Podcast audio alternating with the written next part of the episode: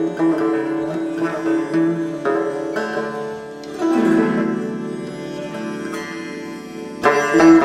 Seguimos viajando por Oriente Medio por intentar conocer el origen de un conflicto que parece no tener fin. Xavier Bañuelos, eh, periodista, viajero, un conflicto difícil de entender, un problema que termina convirtiéndose en uno de esos conflictos olvidados. Bueno, Xavier con las maletas preparadas eh, para partir a navegar por el Atlántico de Canarias a las Azores y de las Azores a Bilbao. Sí, efectivamente, en el barco Atila, es el barco La de madera clásica que que está tiene aquí la base en el Museum de, de la Ría de Bilbao. Y nada, efectivamente, ya con las maletas listas, dispuestos a salir para, para Canarias y embarcarnos en pues en una aventura, ¿no? Una aventura que para mí no es del todo nueva porque ya he navegado antes, pero sí que es verdad que nunca iba, he pasado tanto tiempo sin ver tierra, digamos, ¿no? Mar adentro, así que sí, sí, va a ser va a ser algo para mí muy muy emocionante y bueno, espero que lo podamos ir contando aquí. Lo vamos a ir contando, Xavier. Antes de montarnos en esa goleta, eh, Atila, lo que vamos a hacer es acercarnos hasta Afganistán y acercarnos hasta Pakistán. Estamos en una encrucijada de caminos y en una encrucijada de culturas. Sí, lo has dicho, lo has dicho muy bien. ¿no? Bueno, antes de nada, me gustaría decir que mira, han surgido muchos opinadores sobre el conflicto, unos más rigurosos que otros. Yo no soy experto en la cuestión afgana, me guío, digamos, por mi conocimiento de la zona y el seguimiento que he hecho del conflicto a lo largo de estos años. Pero bueno, creo que para meterse en esta dispero hay que hacerlo con humildad y es lo que vamos a intentar. Efectivamente, como bien has dicho, el país es una encrucijada de caminos, una confluencia de culturas, no siempre bien avenidas. Yo creo que para entender el país y lo que está pasando hay que tener en cuenta al menos cuatro elementos. Primero sería la composición étnica. Son casi 32 millones de habitantes, que no es una gran población, pero sí es muy diversa. Mira, los grupos más numerosos son los pastunes, más o menos un 45%, y los tayikos. Los pastunes, además, son una minoría muy importante en Pakistán, y esto tiene su, su relevancia y el 25% restante se divide nada menos que en hazaras, uzbecos, aymak, turcomanos, baluches, nuristaníes, kirguises, brajuís. Claro, a esto se une la persistencia de una organización clánica cuasi tribal de gran parte de la sociedad afgana y la división religiosa, porque la, mayoría de la población es suní, pero hay relevantes minorías chiíes, incluso con algunas influencias hindúes, ¿no? Y todo esto pues configura una mezcla compleja de grupos étnico-culturales diferentes y de fidelidades que se cruzan. ¿Cuál es el segundo elemento? Pues las fronteras trazadas tras la descolonización por las potencias coloniales, por unas, unas fronteras establecidas en función de intereses ajenos a los pueblos que ocupaban el territorio, ¿eh? dentro de lo que se conoció como el Gran Juego, ahí entre 1837 y 1907, una, serie, una suerte de guerra fría decimonónica que, decimonónica que dirimía las rivalidades entre los imperios británico y ruso en Asia Central, ¿no? y que creó un estado tapón, un estado artificial al que llamaron Afganistán. Y en este contexto, los ingleses trazan lo que se llamaron la línea Dumont, eh, Durán en 1893, que son 2.600 kilómetros de línea fronteriza que dividía la India británica de Afganistán. Pero claro, esta división afectaba sobre todo a baluches y a pastunes, que quedan divididos a ambos lados de la frontera, ¿eh? tanto en Pakistán como en Afganistán. Los pastunes, que son la etnia mayoritaria, también eh, juegan un papel fundamental. Los pastunes y su relación con el Islam. Los pastunes son una cultura antigua regida por el pastunwali, que es un código de conducta tradicional que afecta a todos los órdenes de la vida, desde una mentalidad, yo diría que extremadamente conservadora. Y claro, ¿qué pasa? Pues que encuentra en el Islam y en la Sharia una herramienta perfecta de legitimación en su, en su interpretación más integrista. Por ejemplo, el burka que es, digamos, el icono más conocido de la relación de los talibán con, las mujeres, en realidad no es una tradición islámica, es una tradición que está arraigada en este y en este código de conducta pastún. Y como esto, pues cantidad de cosas que muchas veces pensamos que son islámicas y en realidad son más bien, eh, están más bien referidas a esta vieja tradición pastún. Y luego, como último elemento, hombre, hay que destacar como muy importante el lugar donde están ubicados, ¿no? Claro, la importancia geoestratégica. Claro, claro, están en el corazón de Asia Central, es un territorio con muchos recursos, ¿no? Petróleo, gas, en fin. Y por otro lado, tampoco podemos olvidar que a veces olvidamos que Afganistán es el mayor productor mundial de opio.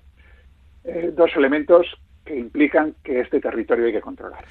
Un territorio, efectivamente, que ha habido muchas civilizaciones que lo han intentado controlar porque estamos hablando de un país que lleva muchos años en guerra, lleva 43 años prácticamente con sus diferentes fases en guerra, pero es que antes y siglos antes, Afganistán ha sufrido muchos conflictos o ha vivido muchos conflictos. Sí, toda la zona realmente ha sido muy conflictiva desde siempre. Pero digamos que lo, que ahora estamos viviendo, eh, podemos ponerle un punto de partida en el gran juego que hemos dicho antes, ¿no? que ya propició en su día tres guerras anglo-afganas hasta la independencia del país en 1919.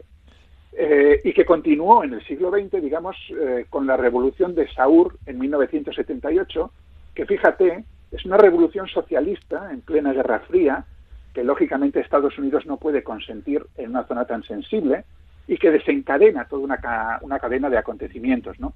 La injerencia de Estados Unidos y el nacimiento del movimiento islámico Mujahideen, que se hacen inmediatamente aliados, la intervención en consecuencia de la URSS, la invasión de Afganistán y su posterior retirada tras el colapso soviético, cosa que provoca el triunfo de los mujahidines, eh, pero un triunfo de los mujahidines que es también muy, muy efímero, porque inmediatamente se rebelan contra ellos los talibanes, que son, digamos, el ala más conservadora de estos mujahidines, que llegan al poder en el 96. ¿no?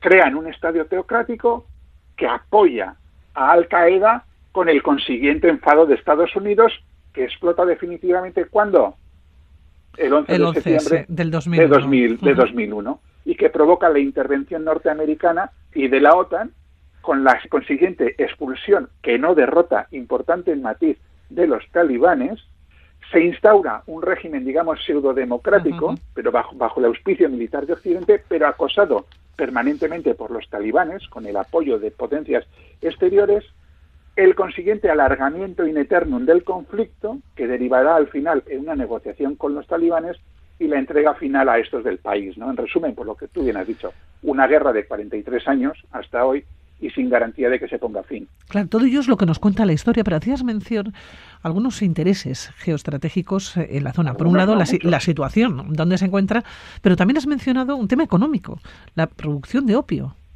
Eh, sí, sí, claro. Este es un, es un tema que es crucial, ¿no? Y del que se ha investigado realmente, realmente poco, ¿no? Es decir, hay eh, se mueve eh, alrededor mucho dinero y al final, de hecho, los talibán, eh, si de algo se han financiado, aparte de lo que ha podido ser el apoyo explícito de Arabia Saudí o de Pakistán, si de algo se han financiado, ha sido de la venta de, opio, ¿no? Y de hecho, y durante, eh, digamos, el gobierno mujahidín, antes del triunfo de los talibanes, Afganistán se convirtió en un foco difusor de opio internacional, bueno, no solo de opio, ¿eh? de opio, de prostitución, de tráfico de órganos eh, internacional, ¿no? Lógicamente, esto es un tema muy sensible que unos lo quieren controlar porque supone dinero, otros lo quieren controlar porque de alguna forma afecta a sus sociedades y bueno, pues al final es un elemento más dentro de este tremendo avispero donde como digo, pues intervienen pues un montón de países, ¿no? en este juego en este juego de geoestrategias.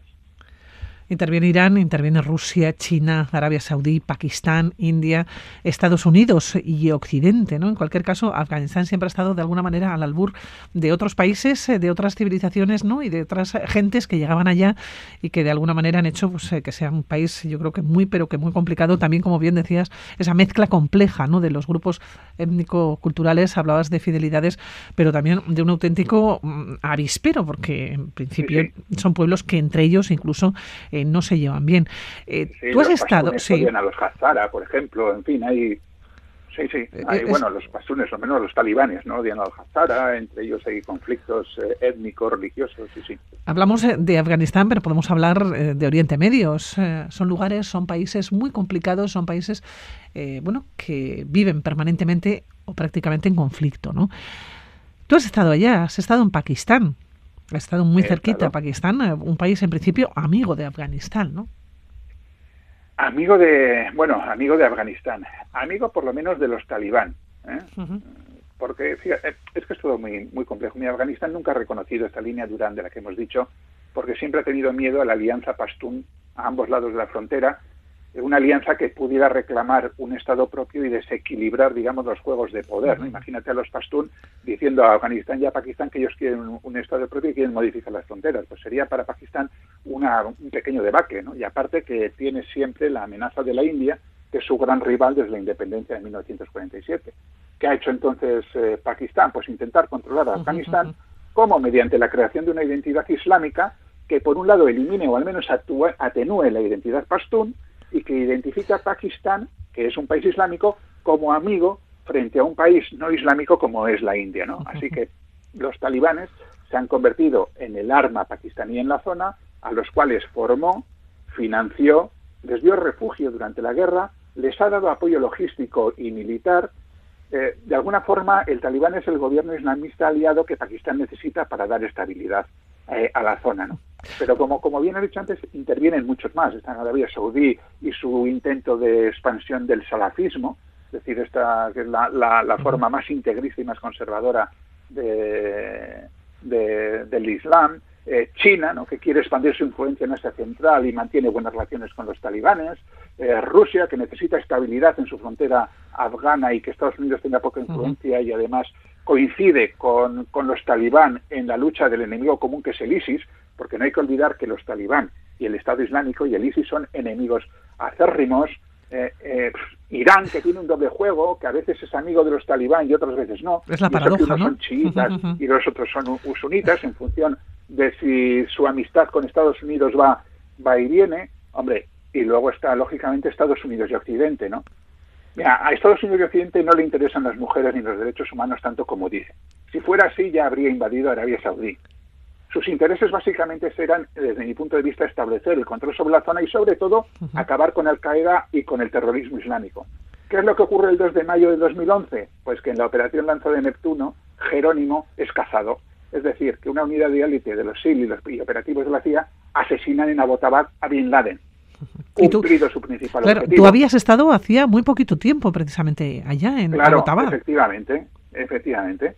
Eh, los americanos cumplen su objetivo y bueno, y entre tanto surge el ISIS y los talibán, paradojas, esto de los amigos, eh, extraños amigos de Kama que se forman en las guerras políticas, se convierten de un mal menor casi en, aliados. ¿no? Yo estaba allí en esa época, estaba en Pakistán y nos ocurrió efectivamente una cosa muy curiosa eh, bueno, yo creo que es algo más que una anécdota, ¿no? Porque lo que decíamos, bueno, yo estaba en estaba en, el norte de Pakistán, había ido allí a colaborar con la Fundación Feliz Baltistán, hacer, eh, bueno, pues ver cómo trabajaban y demás, y a la vuelta tuvimos que, cruzar toda la Karakorum Highway desde desde Baltistán hasta Islamabad, eh, cruzando todos los territorios tribales, es decir, que es territorio pastún pakistaní, es una zona relativamente peligrosa, que en ese momento además se encontraba pues eh, en guerra en el otro lado de la frontera. ¿no? Eh, bueno, eh, es una zona lógicamente tomada por los militares, con controles militares cada, cada poco tiempo, militares y policiales, y cuando llegamos al último de los puentes, digo los puentes sobre, sobre el Indo, digo los puentes porque todos los indos son, son territorio militar, digo, perdón, todos los todos los puentes son territorio militar, bueno, pues nos paró la bueno, pues el control que había allí, nos retiraron los pasaportes, estuvimos más de una hora esperando, viendo que, sin saber qué iban a hacer con ellos, viéndoles ir y venir hasta que vinieron, nos dijeron que podíamos continuar pero escoltados.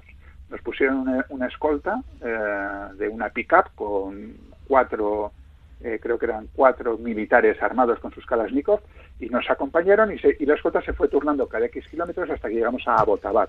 En Abbottabad eh, la, la, la, escolta se cuadriplicó.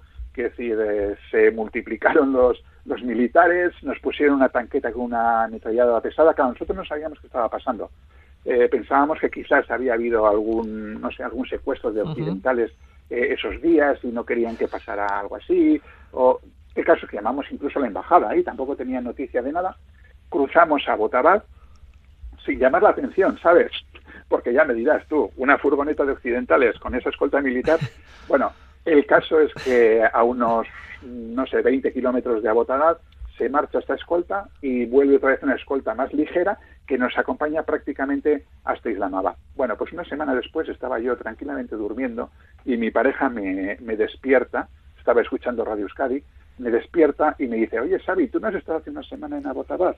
Eh, era esa ciudad, ¿no? Donde que cruzasteis con la, con la escolta militar. Y dije, sí, es que acaban de dar en las noticias que han matado allí a Bin Laden.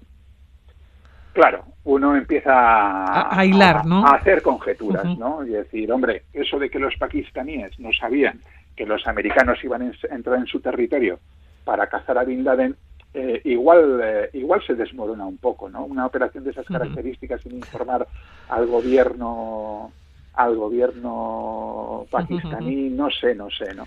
A ver, muy, muy complicado ¿eh? probablemente de, creer. Sí, no tenemos ninguna confirmación, lógicamente son conjeturas, pero hombre, yo sospecho que la operación estaba en marcha a una semana, tenía que estar en marcha y que los pakistaníes lo que no querían es que nos pasara nada y que ocurriera algo a ningún occidental dar, al traste, con, la, con la operación.